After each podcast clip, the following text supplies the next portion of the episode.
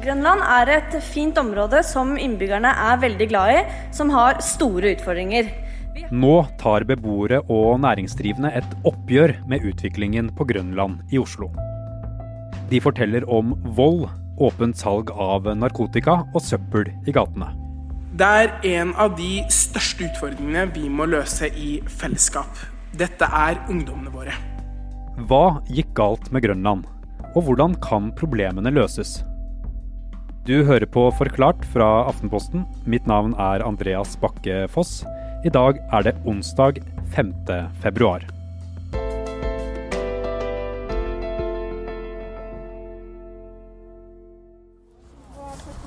Rett øst for Oslo sentralstasjon ligger området som heter Grønland. Gata Grønlandsleire går på langs gjennom nabolaget med restauranter, butikker og barer. For 15 år siden spådde både eiendomsmeglere, politikere og medier at Grønland skulle bli den nye Grünerløkka. Et hipt nabolag med unge folk og et bredt utelivstilbud. Men det gikk ikke akkurat sånn. Nå er beboere og næringsdrivende bekymret for økende vold og narkosalg i området. Mattis. Hei. Hei. Hyggelig. Mattis eh, Lindstad eh, driver flere barnehager på Grønland. Eh, en av disse ligger veldig sentralt, rett ved den mest trafikkerte hovedveien. Daniel Rød Johansen er journalist her i Aftenposten. Men det er her gjengene pleier å stå? Her står gjengene midt i inngangen og utgangen til, til to barnehager, egentlig. Når du kommer inn fra hovedveien på Grønland, så kommer du inn i en åpen bakgård. Eh, da vi møtte Mattis Lindstad der, eh, så var det bygningsarbeid som satte sitt preg på området. Eh, men ellers så står ofte disse gjengene her da, som man snakker om. Og det er en bakgård med en parkeringsplass som er omgitt av en rekke høye blokker. Og en av disse blokkene, der holder barnehagen til i første etasjen. Det ser egentlig ut som en helt vanlig boligblokk fra utsiden. Hva er det Mattis Lindstad forteller deg? Slik han ser det, eh, foregår det akkurat nå en kamp om fremtiden til Grønland. Eh, det er en kamp om hvem som skal sette sitt preg og dominere området fremover. Han er bekymret Uh, han forteller om salg av narkotika, som skjer rett foran øynene på alle som går rundt i området der. Hasjlukten dominerer. Og disse Det står ofte store grupper med ungdommer samlet. De er fra 13 år og oppover. og Lindstad forteller at de fleste har afrikansk utseende. De setter på en måte i stadig større grad et preg på hele området. Eh, det er vanskelig å komme utenom dem. Og de står også utenfor barnehagen når eh, barna kommer? Det gjør de. Eh, det er en friluftsbarnehage, så de drar på utflukter. Og da må de gjennom denne gangen for å komme til bussen. Og da står ofte gjengene der. Og de kan stå der når de kommer og forlater barnehagen. Og Lindstad og de ansatte har forsøkt flere måter å nærme seg disse ungdommene på. De har forsøkt å be dem om ikke å stå der akkurat når barna går forbi. Da blir de møtt med hånflir. Og de har forsøkt en mer sint tilnærming. Da blir de møtt med trusler, forteller han. Men du har også snakket med andre i dette området om eh, situasjonen. Hva er det folk eh, er opptatt av? Først er det viktig å få fram, eh, det påpeker mange, at de er veldig glad i Grønland. Det er et spennende område med stort potensial. Men det, slik jeg opplever det, er at mange nå føler et at det har kommet til et punkt der de må si fra. Det er nok. Hva er det de føler de må si fra om?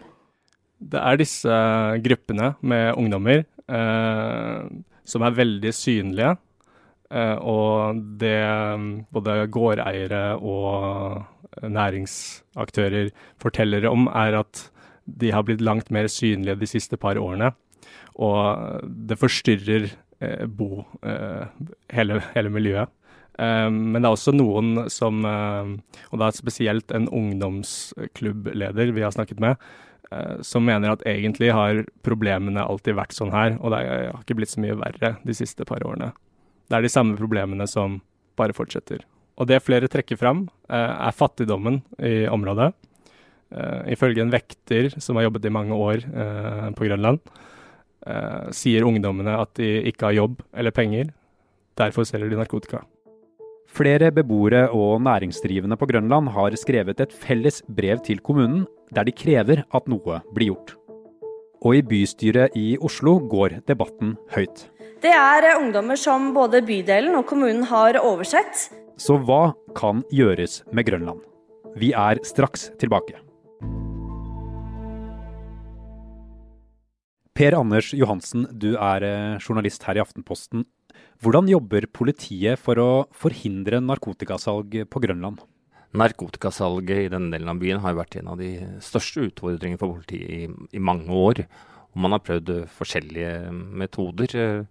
En av grunnene til at denne saken kommer opp nå, er jo nettopp de tiltakene som politiet gjorde i høst og utover vinteren, hvor man rett og slett var synlig til stede i Vaterlandsparken og drev egentlig dette miljøet frem i gatene i, i Grønland. Og på den måten har man egentlig fått se problemet tettere på kroppen. Det er derfor mange har reagert. Det er ikke det at det har blitt så mye større, men det har blitt mer synlig når gjengene henger rundt i, i smugene og portrommene og gaten der. Vi kommer til å dra ned til det åpne rusmiljøet på Grønland. En svart bil kjører nedover Grønlandsleiret.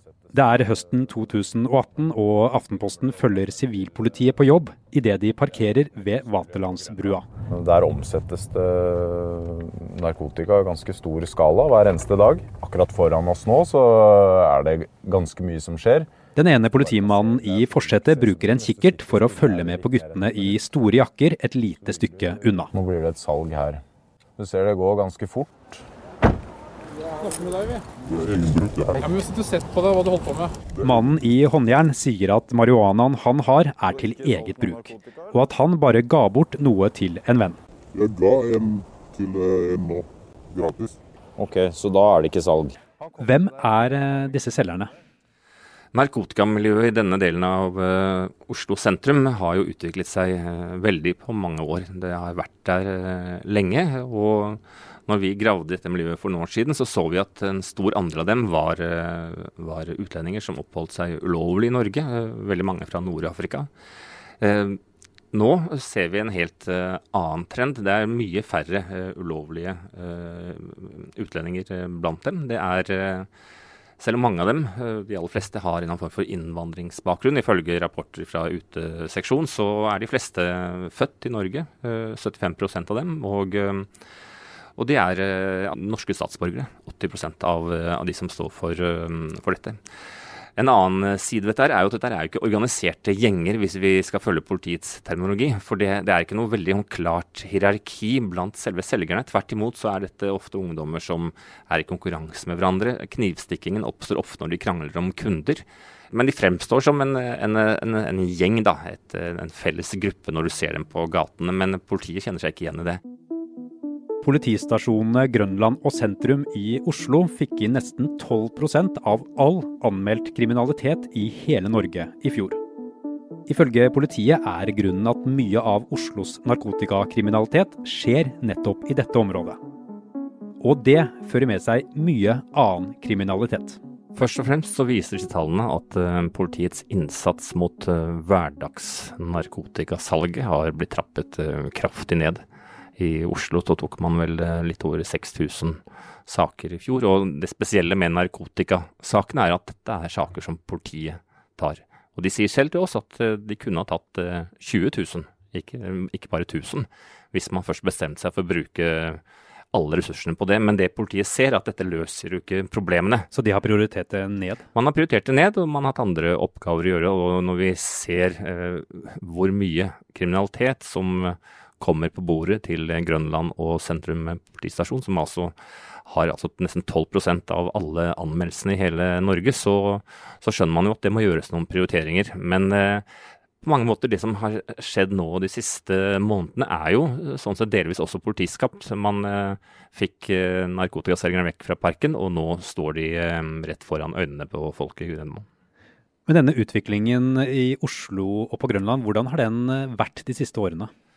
Når vi ser på de store tallene i statistikken, så er det ikke noen stor utvikling i 2018 og 2019. Men det har vært eh, flere trusler med eh, kniv. Det har vært mange ran, mellom 50 og 60 eh, ran i, i året. Og, og, og, vold. Og problemet med dette narkotikaproblemet er at det medfører så mye annet. Det medfører vold, eh, oppgjør, eh, konflikter. Eh, og, og derfor så vil jo mye bli løst hvis man først klarer å få bukt på dette. Vi var innom prioriteringene til politiet. Hva sier politiet selv om den situasjonen som er på Grønland nå? Aftenpostens artikler har jo fått uh, følger allerede, for nå sier jo både politiet og politikerne at det skal komme flere tiltak, økte ressurser inn. Politiet har rett og slett lovet at det skal være mer synlig politi på Grønland for å, mm, for å fordrive dette miljøet. Men spørsmålet er jo da hvor går de da?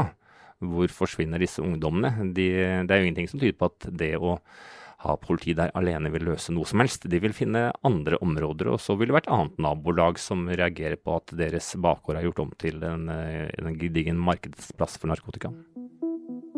I byrådet i Oslo i forrige uke ville Aina Stenersen fra Fremskrittspartiet vite hva som blir gjort på Grønland. Det er eh, ungdommer som både bydelen og kommunen har oversett, eh, og de står i fare for å havne ordentlig på skråplanet. Eh, aktivitetene de driver med når det ikke finnes noe ordentlig tilbud, er svært ødeleggende for andre innbyggere også. Byrådsleder Raymond Johansen fra Arbeiderpartiet mener bl.a. at mer politi er løsningen. Det har vært en stor bekymring fra politiets side om begrensede politiressurser. De har nå fått en ekstra sivil patruljering, setter inn ekstra med folk i grønlandsområdet ikke minst på bakgrunn av de sterke bekymringene som vi har hatt. Beboere og næringsdrivende i grønlandsområdet ber både kommunen og politiet om hjelp. Anders. Hvilke planer finnes for å bygge opp Grønland igjen? Det har vært snakket om å gjøre noe med Grønland eh, lenge. og eh, For en par år siden så ble det jo presentert rapporter om ting som kan gjøres. og eh, Jeg regner med at vi i løpet av ikke altfor lang tid vil se at det kommer konkrete planer. Men det beboere og andre vi har snakket med etterlyser, er jo dels ganske skal vi si, prosaiske ting, som, som å bare sørge for at det er belysning, at det er rent i gatene. og og litt mer synlig politi. Men går vi dypere inn i dette, her, så snakker vi faktisk om det store narkotikaproblemet i, i, Oslo. Og eh, at noe må gjøres uh, med og for disse ungdommene. De må skaffes jobber, de må inn i skolen. de må uh, Og deres familier, som ofte er blant de fattigste vi har i Oslo, trenger hjelp. Så her er det jo veldig mange etater som må jobbe sammen, og, og det har de ikke klart å gjøre når vi ser de problemene vi, vi ser i gaten i Oslo. Hva er det som skjer i denne saken politisk nå? Det som skjer eh, i denne saken eh, politisk, er at man for det første skal bli enige om uh, løftet for Grønland, og hva de tiltakene skal bestå i, og hvor mye penger man vil bruke. Og så i tillegg må politiet komme opp med noen planer for å ta tak i dette um, problemet. Og i tillegg så er det jo altså mange andre tiltak som diskuteres. F.eks. å skaffe ungdommene jobber, andre måter å få inntekter på enn å selge narkotika. Og eh, jeg er sikker på at vi vil se eh, mye spennende tiltak i tiden fremover. Det er mange som ofte roper på mer politi i situasjoner som den vi har på Grønland nå. Er det sånn at det vil hjelpe eh, mot det grunnleggende problemet?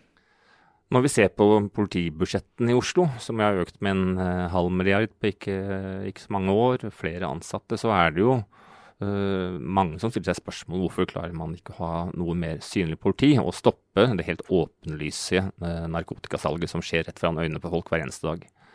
Og det er sånn som utfordrer folks rettsfølelse, rett og slett. altså Man ser det blir begått et lovbrudd, og så er det ingenting som skjer. Og det er noe politiet er, er nødt til å gjøre med. Men eh, politiet har jo selv erkjent at eh, det er grenser for hvor langt eh, de kan gå i å løse dette her. Og mange av, dette, av, disse ungdommene er jo mindreårige, og politiet har jo egentlig ikke særlig med reaksjoner de kan gjøre overfor dem. Her må andre etater inn. Barnevern, skole, helsevesen osv. for å virkelig sette seg på disse ungdommene og få dem til å forstå at dette her er ikke dette er ikke måten de skal leve på. Det finnes en annen fremtid for dem i Oslo.